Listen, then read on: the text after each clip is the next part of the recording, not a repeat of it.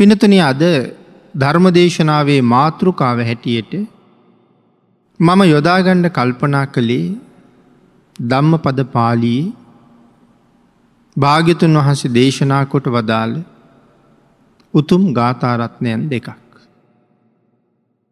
පාපෝපි පච්චති බද්‍රං යාව පාපං නපච්චති. යදාච පස්සති පාපං අත පාපෝ පාපානි පස්සති. බද්‍රෝපි පස්සති පාපං යාව බද්‍රන් නපච්චති. යදාච පච්චති බද්‍රං අත බද්‍රෝ බද්‍රාණි පස්සති. මේ ගාථාරත්නයන් දෙක අපේ බුදුරජාණන් වහසේ දේශනා කොට වදාලි අනාත පින්ඩික සිටිතුමත් සිටිතුමාගේ මාලිගාවේ හතරවෙනි වාහල්කඩේ අරක්ගත්ත දෙව්දුවත් අරමුණු කරගෙන තමයි දේශනා කොට වදාලි. අනාත පින්ඩික සිටිතුමා පිළිබඳව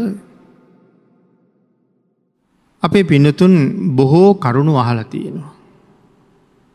මේ ශාසනයේ අපේ බුදුරජාණන් වහන්සේගේ ගිහි අග්‍ර උපස්ථායක හැටියට කටයුතු කරන්නට යෙදෙන. ලොවතුරා ශාසනය වෙනුවෙන් විශාල වශයෙන් මිල මුදල් වියදැන් කළා. ප්‍රමාණයේ බැලුවෙනෑ කවදාවත්. බුදුරජාණන් වහන්සේට ආරාමයක් හදල පූජා කළා රන් කහවනු පනස් හතර කෝටිය. රන් කහවනු පනස් හතර කෝටියක් කියල කිය හම අපේ රුපියල් බවට පත් කළොත් කොයි තරං මුදලක්ද කියන කාරණාව අපිට තේරෙන්නේවත් නෑ. සෑම දවසකම තමන්ගේ ගෙදර දානශාලාවක්. බුදුරජාණන් වහන්සේ ප්‍රධාන මහා සංගරත්නයටත් දන් දෙනවා දුගී මගී යාචකාදීන්ටත් දන් දෙනවා. ඒ සඳහා බොහෝම වියදන් කළා. පිනතන දීර්ඝ කාලයක් මේ විදිහට බොහෝසේ වියදන් කර කර සිටතුමා දන්දුන්න. දවසකට යටත් පිරිසෙන් තුන් සැරයක් බුදුරජාණන් වහන්සේ දකින්න විහාරයට යන එක අනාත පින්ඩික සිටිතුමාගේ සිරිතක් වෙලා තිබුණ. සඳහන් කරනවා ඒ යන වෙලාවටත් නිකං ගිය නෑ කවදාවත් කියලා. මොකද සිටිතුමා එනවා දකිනකොට ලාබාල සාමනේරයන් වහන්සේලා. නවක භික්‍ෂූන් වහන්සේලා සිටිතුමා ළඟට යනවා. මොනවද ගෙනාව කියලාහන්ට. හරියට තාත් අළඟට දරූ දුවගෙනෙනවා වගේ. සඳහන් කරනවා උදේ දානය වලදන්ඩ කලින් සිටිතුමා විහාරයට යනවන කැන්ද කැවිලිවාගේ දේවල් අරගෙන යනවා කියලා. උදේ දානෙ වැළඳුවාට පස්සේ යනවනම් ඒ වෙලාවට උක් කකුරු ආදී තවත් ප්‍රනීත දේවල් අරගෙන යනවා. හවසට යනකොට සුවඳ මල් සුවඳ විලවුන් වර්ග ඒවගේම වස්ත්‍ර ඒවාගේ දේවල් අරගෙන ගිහිල්ල පිළිගන්වනවා. එහින්ද යන කිසිම මොහොතක නිකංගිය නෑ. ඇති මෙහෙම කටයුතු කරමින් දන් දෙමින් කාලය ගත කරනකොට.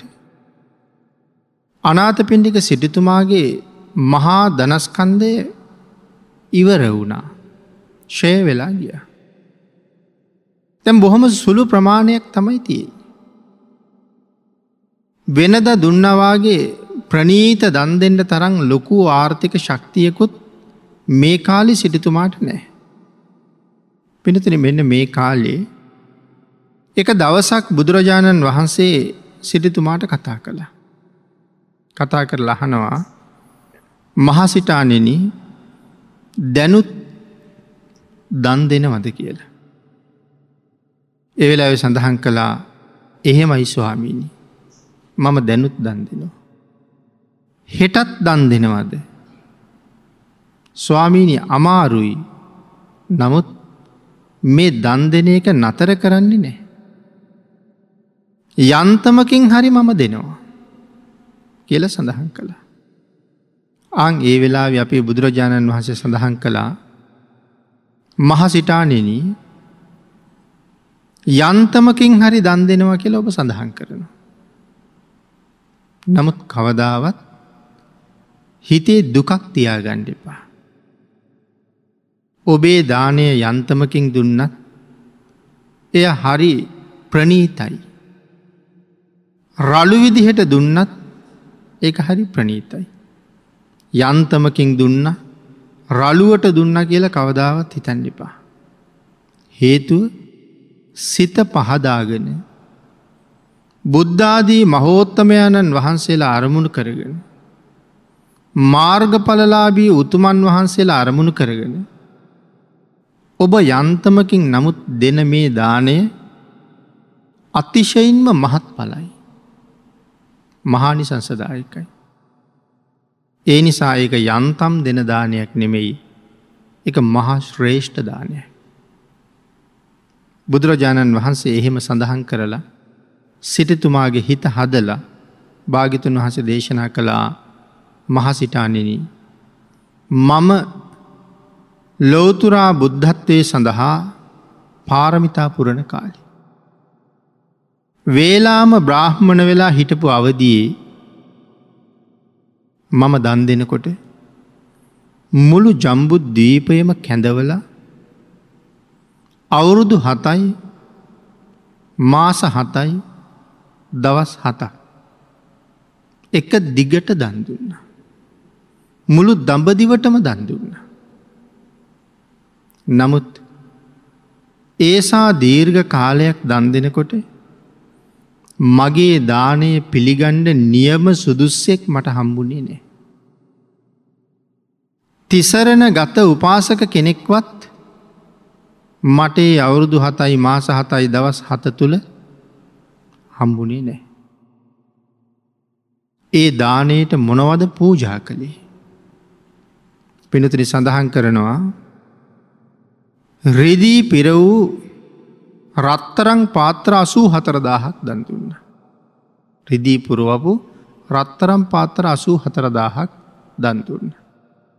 රත්තරං පුරෝපු රිදී පාත්තර අසූ හතරදාහක් දන්තුන්න. ඊළඟට සඳහන් කළා අමුරන් පිර වූ කස්ලෝ පාත්‍ර අසූ හතරදාහක් දන්දුන්න. සියලූම ස්වර්ණා ලංකාර ඇති රන් දද ඇති රන් රසු දැලින් ගැවසූ ඇත්තු අසූ හතරදාහක් දන්තුන්න. රත්තරං කොඩිත් සමග රත්තරං දැල්වලින් වහල ඇත්තු අසූ හතරදාහක් දන්දුන්න කෙළ සඳහන් කරනවා. සිංහහම් ව්‍යාග්‍රහම් දෙවිහම් පඩු ඇඹුල් ඇතුරු රනින් අලන්කාර කළ රන් දද ඇති රන් රසු දැල්වලින් වහපු රත අසූ හතරදාහක් දන්දුන්න කෙළ කියලා.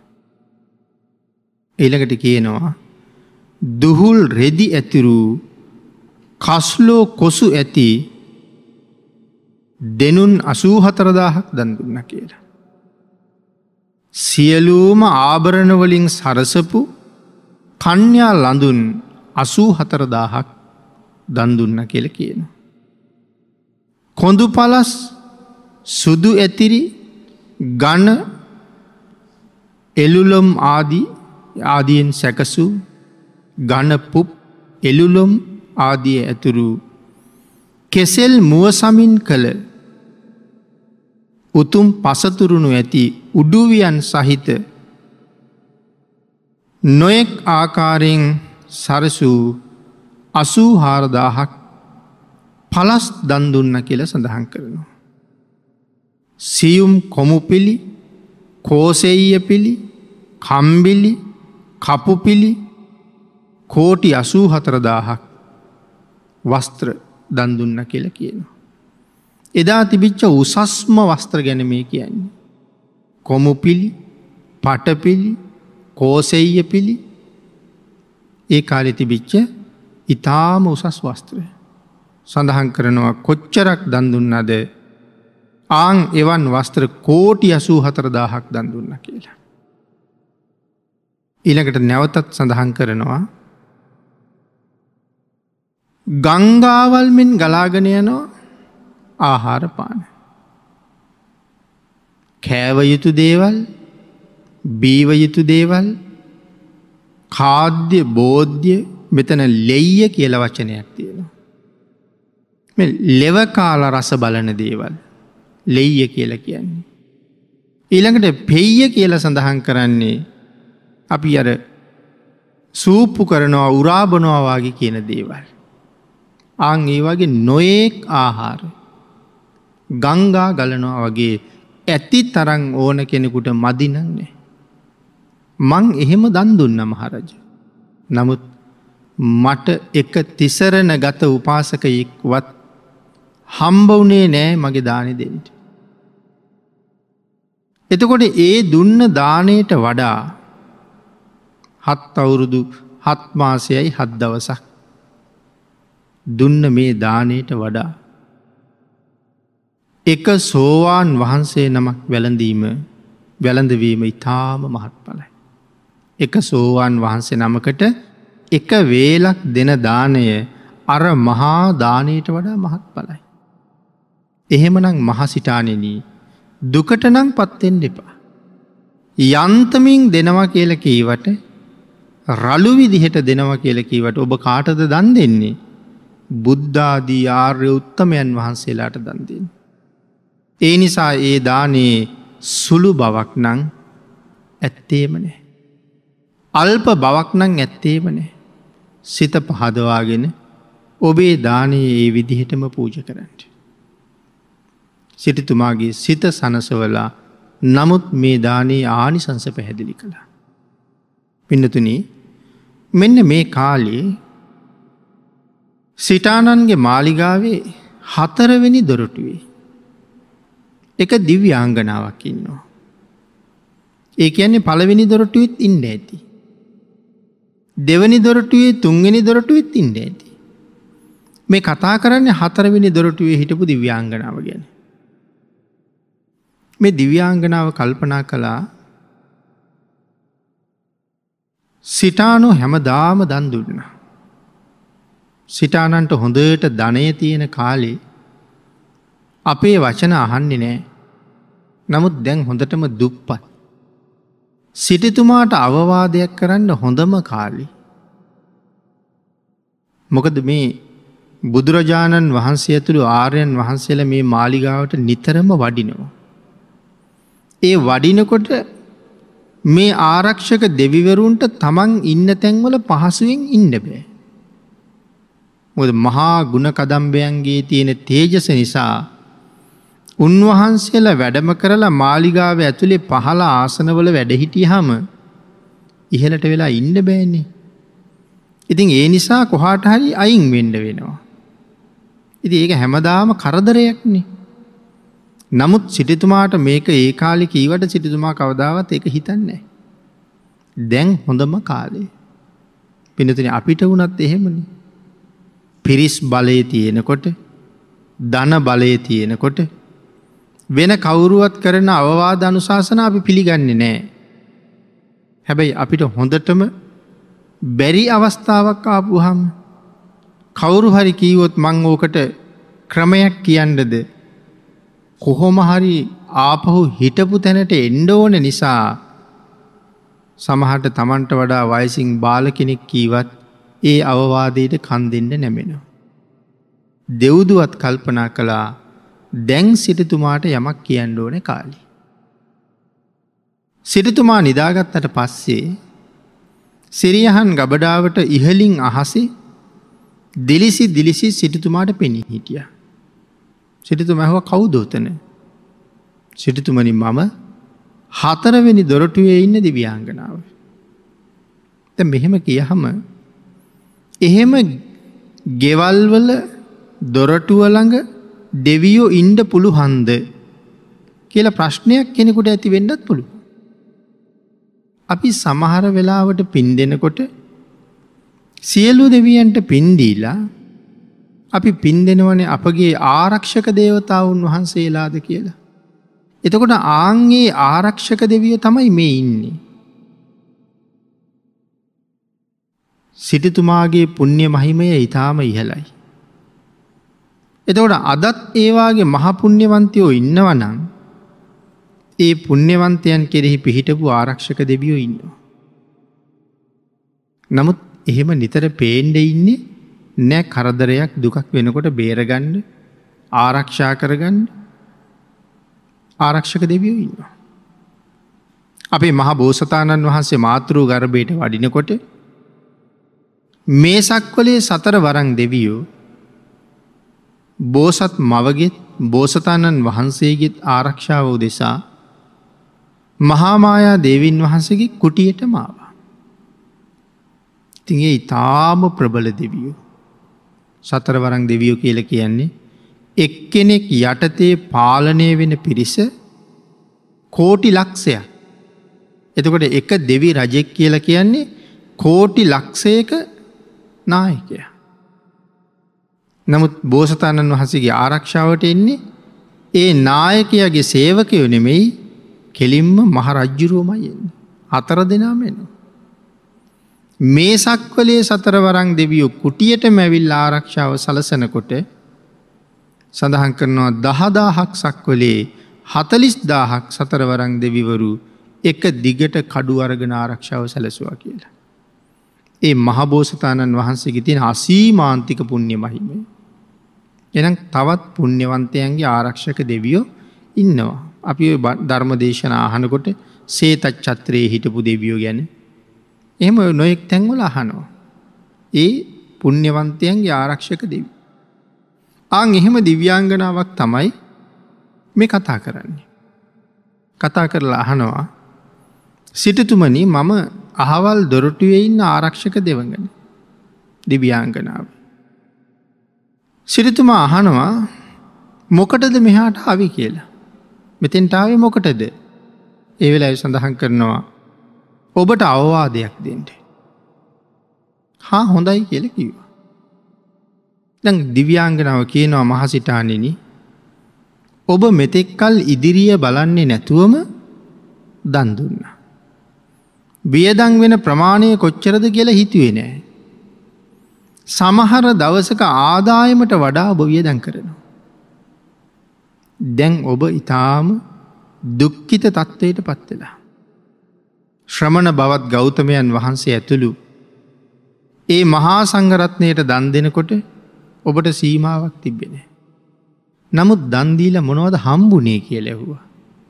මොකක්ද ලැබිච්ච පලය කිය ලැහුවා. කොයි ලබාපු දියුණුව කිය ලැහුවා. නමුත් ඔබ ඒ කරපු අඥ්ඥාන වැඩේ තාමත් කරන බවයි පේන්නේ. දැන්වත් ශ්‍රමණ බවත් ගෞතමයන් වහන්සේ ඇතුළු ඒ සංඝයාට දන් දෙන එක නතර කරලා. ඒ දන්දෙන්ට වියදං කරන මුදල ධනය උපයන වෙන වැඩපිළිවෙලකට යොමු කළොත් නරකද කියලෙහුව. ඇය බලාපොරොත්තු වෙන්නේ මේ වෙලාවෙ හරි මේ සංඝයා වඩින එක නවත්තගන්න. ඇයි තමන්ට පහසුවෙන් ඉන්ට. ඒ වෙලා සිරිතුමා කතා කර ලහනවා තී මට ඕකද දෙනවා කී පවවාදී කියලෙහුවා. ඔහු කීවා. කරුණා කරලා මේ මාලිගාවේ ඉන්ඩ සුදුසු නෑ ඔඹ ද වහාම මගේ මාලිගාවෙන්ම පිට වෙලා යන්න කිව්වා. සිටිතුමා කියල කියන්නේ සෝවාන් වහන්සේ නම. එවන් සෝවාන් උත්තමයන් වහන්සේ නමකගේ වචනය අහක දාන්න බෑ. සිටිදුවට කරගණ්ඩ දෙයක් නැතුව ගියා දරුවොත් එක් එලියට ගිය. දැන් ඉන්ඩ තැනක් නෑ. නගරාරක්ෂක දෙවියෝගාවට ඉහිල්ල කිව්වානේ මංගතින් වරදක් වුණා. සිටිතුමාට කියලා මට ආයිත් එතන වාසය කරන්න අවස්ථාව වරන් දෙෙන්ට කියලා. නගරාරක්ෂක දෙවියකව ඔබ කළේ වැරැද්ද. ඔබ එවන් සිටුවරයකුට නොකිය යුතු වචන ටිකක් කීවී. මට බෑග කරන්න කිය. සතර වරං දෙවියෝගාවට ගිය. සතර වරං දෙවියොත් ඇගේ කතාවට කන්දුන්නේ නෑ. සක්‍ර දේවේන්ද්‍රයන් වහන්සේ ළඟට ගියා. සක්‍ර දේවේන්ද්‍රයොත් කැමති නෑ ඇයත් එක් ඇවිල්ල සිටිතුමාට ඇයට සමාව ඉල්ලලා දෙන්ඩ මොකද ඇය කියපු වචන ටික ඒ තරම්ම බරපතලයි. මෙවන් ශ්‍රද්ධාවන්තයකුට බුදුරජාණන් වහන්සේට සංඝයාට දන් දෙෙන්ඩ එපා කියන්ඩ ඇයට කිසිම සුදුසුකමක් නෑ. එහින්ද සක්‍රදවිය සඳහන් කළා සක්‍රදේවීන්ද්‍රියෝ එන්නේ නැහැ. නමුත් අනුකම්පාව නිසා මං ඔබට උපායක් කියන්න. ඒක ගිහිල්ලක් කරලා සමාව ඉල්ලගෙන කියලා. මොකක්ද කියලෙහුවා. සිටිතුමාගින් අනික් වෙළෙන්දෝ ණයට ඉල්ලගෙන තියෙනවා දහාට කෝටියක් මුදල්. ඔබ ගිහිල්ලා සිටිතුමාගේ මුදල් ලේකන්ගේ වෙස් අරගෙන ඒ වෙළෙන්දු ගාවට ගිහිල්ල ඒ සල්ලිටික එකතු කරගනි. එකතු කරගෙන ඇවිල්ල ගබඩාවට දාපා. සිටිතුමා නිදංගත කරලා තිබිච්ච දහාට කෝටියක් ගඟට ඉවුර හේදිලා ගඟට ගහගෙන මුහොදට ගිහින් තියෙනවා. නිදංගත කරපුවා. ඒ මුහොදේ තියෙන දහාට කෝටියක් ධනය ගෙනල්ල ගබඩාවලට දාපා. සක්‍ර දේවේන්ද්‍රයෝ කියනව අන්න අහවල් තැන තියෙනවා හිමියන් නැති දහාට කෝටියක් ධනේ. ඒකත් ගෙනල්ල ගබඩාවට දාට. දාලා ගිහිල්ල සිටිතුමාට කියන්ඩ වෙච්ච වරදට දඩුවමක් හැටියට පනස් හතර කෝටියක් මුදල් මං ගෙනල්ල ගබඩාවට දැම්ම. මට සමාවෙන්ඩ. සමා වෙලා මෙතන ඉන්ඩ දෙන්න කියලා. ඇය එහෙම කරලා සිටිතුමාට ගිල්ල කතා කළා සිටිතුමා කල්පනා කලා කමක් නැහැ. ඇය වරදට දඩුවන් විඳලයි ඇවිල්ල කතා කළි. ඒ හින්දා ඇයත් එක්ක යායුතුයි බුදුරජාණන් වහන්සළඟට. එක්කරගෙන ගිහිල්ල කාරණාව භාගිතුන් වහසට මතක් කළා. ස්වාමීනී මැය මට මෙහෙම කිව්වා. නමුත් ඇගේ වැරැද්ද ඇය පස්සෙ කාලෙ තේරුම් අරගත්තා. තේරුම් අරගෙන මගෙන් සමාවේල්ලවා. මං කල්පනා කලා ඇය භාගිතුන් වහන්සේට මුණගස්සන්ට. ස්වාමීනී ඇයට කරුණු පැහැදිලි කරලා දෙෙන්ට. ආං ඒ වෙලා වෙතමයි මේ ගාථාරත්නයන් දෙක දේශනකොට වදාලි. පාපෝපි පච්චති බද්‍රං යාව පාපං නපච්චති. යදාච පස්සති පාපං අත පාපෝ පාපානි පස්සති. යම්තාක් පව නොපැසේද එකැන යම්තාක් පව බලවත් නොවන්නේද. ඒ පව බලවත් නොවෙනතාක් කල් පුද්ගලයාගේ කුසල කර්මය ඒ විදිහටම විපාක දෙනවා. හැබැයි යම් දවසක අකුසලය බලවත් වන්නේද එදාට ඔහු ඉතාම දුක්කිත පුද්ගලයෙක් බවට පත්වෙනව කියන එක පළවෙනි ගාථාවෙන් දේශනා කොට වදාලා. දෙවනි ගාථාව සඳහන් කළා යම්තාක් පින නොපැසේද ඒතාක් පින් කළ තැනැත්තාද අයහපතම දකි. පෙර පින් කරලා තියෙනවා. නමුත් තාම ඒ පින ඉස්පතු වනේ නෑ. ඒ පින ඉස්මතු නොවෙන තාකල් ඔහු අයහපතම දකිනවා. හැබැයි යම් මොහොතක කුසලය ඉස්මතු වන්නේද. එදා පටන් ඔහු අකුසලය යටපත් කරනවා. එමන පිඩතුනේ යම් කෙනෙකුගේ පින ඉස්මතු වෙලා තියෙනවා. පව ඉස්මතු වෙලා නෑ. මේ ලෝක ඉපදිලා මනුස්ස ජීවිතයක් ලැබිල තියෙනවා හොඳට ධන සම්පත් ලැබිල තියෙනවා දැසි දස්සු හම්බ වෙලා තියෙනවා මාලිගාවල් වගේ ගෙවල් තියෙනවා සැප පහසු යානවාහන තියෙනවා දැම් මේ ඔක්කොම මොනවද පෙර කරපු කුසල කර්මය ඉස්මතු වෙලා විපාක දෙනවා. හැබැයි ඔවුන් මේ කාලේ මේ කාලෙ පින් කරන්නේ නෑ. නොයෙක් නොකට යුතුකං කරනවා. අකට යුත්තෙන් තව තව ධනය හම්බ කරනවා. පස්කම් සැපය වෙනුවෙන් සමහරාය රාරක්කු පෙරෙනවා. සමහරාය කුඩුවාගේ දේවල් විකුණනවා. සමහර අය නොයෙක් වංචනික ක්‍රියාවල යෙදිලඉන්නවා. සමහරයෝග ගනිකා නිවාසවාගේ වෛශ්‍යයා නිවාසවාගේ යොදාගෙන විශාල වශයෙන් මුදල් හම්බ කරනවා. සමහර අය සත්ව ඝාතනය සත්ව ගොවි පොළවල් දවසකට දස් ගනන් දස දහස් ගනන් සත්තු විකුණනවා. ලක්ස ගනන් කෝටි ගනන් අතටේනවා. ඉතාම සැපට ජීවත්වෙනවා. එතකොට ඔහුට ඉස්මතු වෙලා තියෙන්නේ මොකක්ද පෙර කරන ලද කුසල කර්මය ඉස්මතු වෙලයි තියෙන. යම් දවසක ඔහු කරන අකුසල කර්මය ඉස්මතු වෙන්ඩ පටන් ගන්නේද මේ මහ ව්‍යාපාර බලාගෙන ඉන්නකොට කඩා වැටෙනවා. දවසින් දවස දවසින් දවස පාඩු ලබන්ඩ පටන් ගන්නවා. එන්ඩ එන්ඩ පුද්ගලයා පහත් තත්ත්වයට වැටෙනවා. ඉඩ කඩන් විකුණනවා යානවාහන විකුණනවා කඩසාප්පු විකුණනවා අන්තිමට ජීවත්වෙන ගේ කෑල්ට විතරක් ඔහු සීමාවෙනවා. සමහර වෙලාවට යන්ඩ පරණම පරණ වාහනයක් විතරක් ඉතුරු වෙලා තියෙනවා. තවත් පව වැඩිවිච්ච නිසා සමහරු අය ඒ ජීවත්වෙන ගෙදර ජීවත් වනාට සමහර වෙලාවට ගෙදරත් බැංකුවකටවත් උකස් තියලා මුදලක් අරගෙන ව්‍යාපාරුවලට වෙච්ච ණය ගෙවනවා. ආං එහෙම කඩා වැටෙන ජීවිතත් අපේ සමාජය අපි දකිනවා. සැප විඳින්නේ අකුසලය ඔවුන් දාල ගිහිල්ල නෑ. අපි සමහර වෙලාවට එහෙම අය දැක්කහම අපි කියනවා මේ මිනිස්සු මොන තරං පව් කරනවද. පෞකාර ව්‍යාපාර කොච්චරණං කරගෙන යනවද. නමුත් ඒ මිනිසුන්ට දවසින් දවස දවසින් දවස හරි යනවන්නේ. මල පිපෙනවාගේ ඔවුන් දවසින් දවස සැපයෙන් සැපයට යනවන්නේ. නමුත් හොඳට සිල්ගුණ ආරක්ෂා කරගෙන මිනිස්සුන්ගේ හොඳ හිත රැකගෙන බොහොම ධාර්මිකව සාධහරණව කටයුතු කරන අපිට මේ තරන් කරදර. එහෙම හිතලා සමහර කෙනෙක් මේ ඔක්කොම දාලා ධර්මයට හැරෙන. ඇයි අපිට මේ තරන් කරදර. මනුස්ස ජීවිතයක් ලබලදීල තිබුණට ඉස්මතු වෙලා තියෙන්නේ පෙරකරපු අකුසල් සමුදාය. හැබැයි අපි දකිනවා කලක යාචකයෙක් වගේ හිටපු කෙනෙක්. ඉතාම සුළුවෙන් ජීවත් එච්ච කෙනෙක් පස්සෙ කාලේ මහ කෝටිපතියෙක් වෙලා. ලොකු ව්‍යාපාරිකයෙක් වෙලා.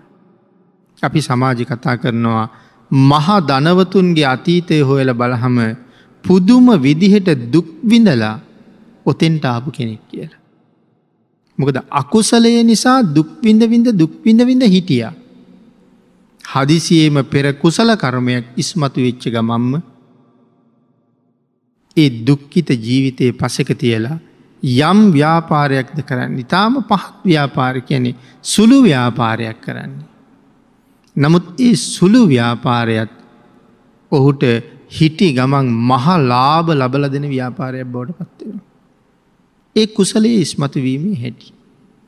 එනම් සංසාරයේ කරගත්ත කුසල් කරගත්ත අකුසල් ඔබ අපි හැම කෙනා තුළම තියෙනවා. අපි කවුරුවත් මේ සංසාරයේ පින්කර කර ආපු අය නෙමෙයි. කුසල් අකුසල් දෙකම කලව මේ කරලා තියෙනවා. සමහර කාලවල කුසල් විපාක දෙනවා සමහර කාලවල අකුසල් විපාක දෙනවා. කුසල් විපාක දෙන කාලෙට ඉතාම සතුටින් ජීවිත ගෙවෙනවා අකුසල් විපාක දෙන කාලට මානසික සිත් තැවුල් පිරිල ව්‍යාපාර කඩා වැටිලා සේවක සේවිකාවෝ දාලා ගිහිල්ල දරුමල්ලන්ගෙන් බැනුම් අහනවා ස්වාමි භාරියාවන්ගෙන් ගුටි කනවා ඉතාම දුක්කිත ජීවිත ගත කරනවා.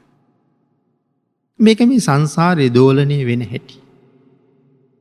අපිට අද කුසලය විපාකදීල බොහොම සැපට ජීවත්වෙන කාලේ අපි ළඟ වැඩ කරන සේවක සේවිකාවන්ට අපි හරියට තාඩන පීඩන කරනවා. ඔවුන් තලල පෙළලා ඔවුන්ගෙන් වැඩගන්නවා. වෙලාවට වඩා වැඩියෙන් ඔවුන් තියාගෙන වැඩගන්නවා. නමුත් ඒ අතිරේකව අරගන්න වැඩවලට අතිරේක ගෙවීමක් නෑ. සමහර වෙලාවට කීයක් හරි වැඩිපුර ඉල්ලන්ඩාහම නොයෙක් බලය යොදාගෙන ඒ අයට පහර දෙන අවස්ථා අපි අපි ජීවත්වෙන සමාජත් ඕන තරන් ඕන තරන් දකිනවා. හැබැයි කුසලය ඉස්මතු වෙලා තියෙන නිසා ඔවුන් ඒ කොව්ව කළත් විපාක දෙන්නේ නෑ. එ කුසලයක් ඉස්මතු වෙලයි තියෙන. හැබැයි අද නොහිතා කරන මේ හැම අකට යුත්තක්ම දවසක අනිවාරින් විඳවන්ඩ සිද්ධ වෙනවා. කියන කාරණාව තමයි භාගිතුන් වහන්සේ මෙතන මේ විශේෂයෙන් පැහැදිලි කරලා දෙන්න. අංත සඳහන් කළා පාපය විසින් කළ පව්කම යම් කලෙක දිට්ට දම්ම වේදනීය වශයෙන් මෙලවදී හෝ උපපජ්‍ය වේදනීය අපරාපරි වේදනීය වශයෙන් පරලොවක හෝ විපාක දෙනවා. අකුසල කර්මය මේ ලෝකෙම විපාක දෙන්නත් පුළුව. එහෙම නැත්තං මරණයෙන් පස්සේ දෙවනි ආත්මය විපාක දෙන්නත් පුළුවන්. දෙවනි ආත්මය විපාක නුදුන්නොත් තුන්වෙනි ආත්මින්දලා ඕ නැම කාලික ඕ නැම දවසක විපාක දෙන්න පුළුව. ඒ පාපයේ හැටි. කුසලේ හැටිත් පින්නතුන එහෙමම එහෙමම තමයි.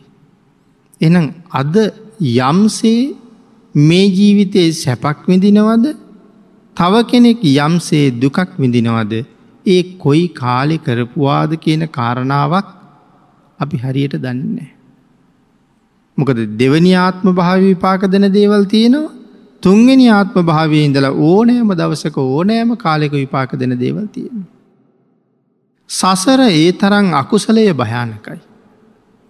ඒ වුනාට පිනතින අපි කවුරුවත් කැමතිනෑනේ මේ ඉන්න මට්ටමින් පල්ල හැට වැටින්ඩ. අපි හැමෝම කැමති මීට වඩා ඉහලට යනවන. පහලට යනක ගැන කල්පනාවක් නෑ. දුකට අකමැති වනත් පෙර අකුසල් තියෙනවනන් දුකට ගොදුරුවෙන්ඩ වෙනවා. නමුත් අද තේරෙනවනං දුකට අකමැති බව මේ ජීවිතෙත් එහෙම විපාක දෙන අකුසල් නොකර කුසලයෙන් ජීවිත පෝෂණය කරන එක වටින. එනම් වැඩි වැඩියෙන් වැඩි වැඩියෙන් අද කරන හැම කටයුත්තක්ම සාධහරණ වෙන්ඩෝනේ. අන්‍යන්ගේ දුක අන්‍යයන්ගේ වෙහෙස අන්‍යයන්ගේ නැතිබැරිකම ඒ හැම එකක් ගැනම හිතන්ඩ සිද්ධ වෙනවා. සේවක පිරිසක් ඉන්නවනං හැම සේවකයකුටම සාධාරණව සලකලා සතුටු කරන්න ඕනේ. එදාට තමයි සංසාරයේ මටත් කොතන ඉපදුනත් සුවසේ ජීවත්වෙන්ට පුළුවන්කමතිය. අපි හැම වෙලාවෙම කල්පනා කරන්න ඕනෑ මේ සසර ආපදාවන්ගෙන්ම පිරිලතියෙන්. මේ ජීවිතයේ පිරිසක් ගංවතුරට අහු නහම සුලිසුළඟට අහු නහම ලැව්ගින්නකට අහු නහම අපි ආපදා කළමනා කරණය කියල දෙයක් කරනවා. අපිගෙන ආපදා කළමනාකාරණ මධ්‍යස්ථාන එහෙම තැන්තියෙන. එතෝඩේ ගින්නට යට වෙලා ජලයට යට වෙලා හුළඟට අහු වෙලා තියෙන දේවල් විනාස වෙලා එහෙම වෙච්ච ආපදා වෙච්චායට සලකන. තැන් එහෙම සලකනායටත් සැලකුම් ලබනායටත් තවත් ආපදාවක් තියෙනවමොකක්ද.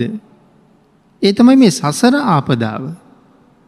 දැන් මේ ජීවිතයේ මුහුණ දෙන දේවල් වල ආපදා කළමනා කරණය කලාට අපේ සංසාරිතයන ආපදාව කළමනා කරණය කරන්න ඕනේ අපිමයි. ඒ නිසා අනාගතයේ කොච්චර කාලයක් ඉපදෙන්ට වෙනවද දන්නේ. ආපදාවන්ගේ අඩුවක් නෑ. එනිසා ආපදා කළමනා කරණයට හොඳට සූදානන් වෙලා තියෙන එක අනාගත ආපදාවෙන් බේරෙන්ට හරි වටිනවා. අනිත් කාරණාව තමයි පින්නතුනි. මේ දුක්කරදර කම්කටුළු කියන දේවල් ජීවිතවලට එළඹෙනකොට සමහට මේ ස්වාභාවික කරදරත් එෙනවා. අව්ව නිසා වැස්ස නිසා සුළඟ නිසා කරදරේනවා. අපි ඒවට සූදානන් වෙනවා එන්ඩ කලින් නමුත් මරණය ඒක තමා ජීවිතයට තින ලොකුම ආපදාව. හැබැයි එන දවස දන්නවද අපි එන දවස දන්නේ නෑ. සුලිසුළඟ එනවා කියලා ආරංචි වෙනකොට දවස් ගානකට කලින් අපි සූදානන් වෙනවා සුලිසුලකට මූුණ දෙෙන්ට.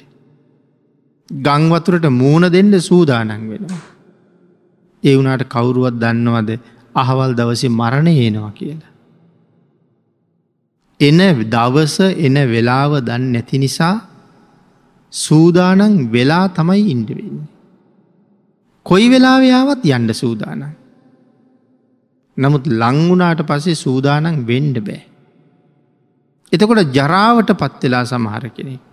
නැගිට ගණ්ඩ බෑ ඇවිද ගණ්ඩ බෑ වැඩක් කරන්න බෑ නැමෙන්ඩ බෑ බිම ඉඳගණ්ඩ බෑ නොඒ ප්‍රශ්න ගොඩ.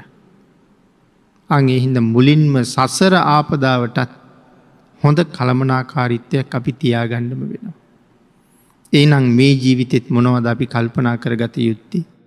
අද මෙහෙම ජීවත්වෙන අය හෙට බොහෝම දුප්පත්වෙන්න පුළුවන්. අර පැරණි අය කීවා රජු දුගිය වෙනවා.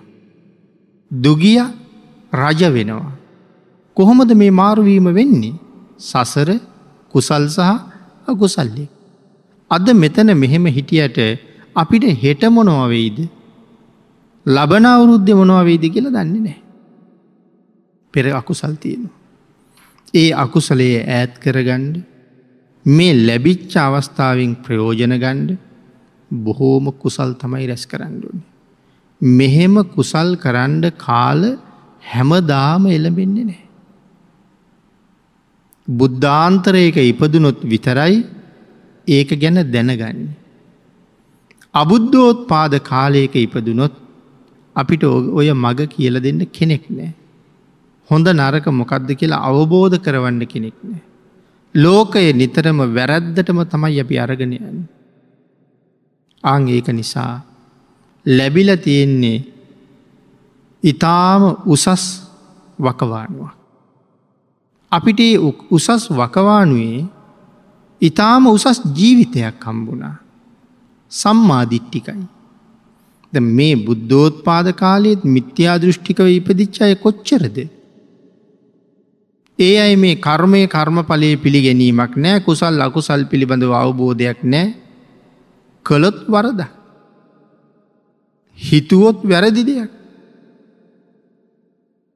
ඒ ජීවිත තියෙන ඉතාම දුක්කදායක අනතුරුදායක තැනක. එක සූත්‍රයක සඳහන් කරනවා එක බ්‍රාහ්මණයෙක් බුදුරජාණන් වහන්සේගෙන් අහනවා ස්වාමීණි භාගිතුන් වහන්සේ. ගිහි බැඳීම් සහිතව සසර කෙරවල කරපු අය ඉන්නවද කියලා. එක් කෙනෙක්වත් නෑ. ගිහි බැඳීම් සහිතව නිවන්දකපු එක් කෙනෙක්වත් නෑ. ස්වාමීනි භාග්‍යතුන් වහන්සේ ගිහි බැඳීම් සහිතව සුගතියේ ගියපු අයි ඉන්නවද. ඒවෙලා විසඳහන් කලා බ්‍රාහ්මණය සීයක් නෙමේ දාහක් නෙමේ ලක්ස ගනන් ගිහි බැඳීම් සහිතව සුගතියේ ඉපදිලා තියෙනවා. ඒ කියන්නේ ගිහි ජීවිතය ඉඳගෙන හොඳට සිල් රැකගෙන පින් කරලා තියෙන. ඊළඟට මේ බ්‍රාහ්මණය අහනවා ස්වාමීණී අන්‍ය තීර්ථකයෝ කවුරුවත් සසරින් එතර වෙලා තියෙනවද. නෑ බ්‍රාහ්මණය කිසි කෙනෙක් නෑ. ස්වාමීණී අන්‍ය තීර්ථකයෝ කවුරුවත් සුගතිගාමී වෙලා තියෙනවද. ආංගේ වෙලා සඳහන් කලා බ්‍රාහ්මණය මෙතැන් පටන් මහාකල්ප අනු එකක් මම ආපහු බලනු. මේ මහාකල්ප අනු එකක් ඇතුළේ අන්‍ය තීර්ථක වෙච්ච එකම එක බ්‍රාහ්මණයක විතරක් සුගතිය ඉපදිලතිය. මහාකල්ප අනු එකකටම.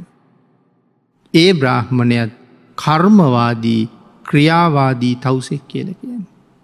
ඒ ඇනි මේ ලෝකයේ හොඳ නරක කියලා දෙකක් තියෙනවා. එවනතම් පවපින කියලා දෙකක් තියෙනවා කියන එක පිළි අරගෙන තිබිල තියෙනවා.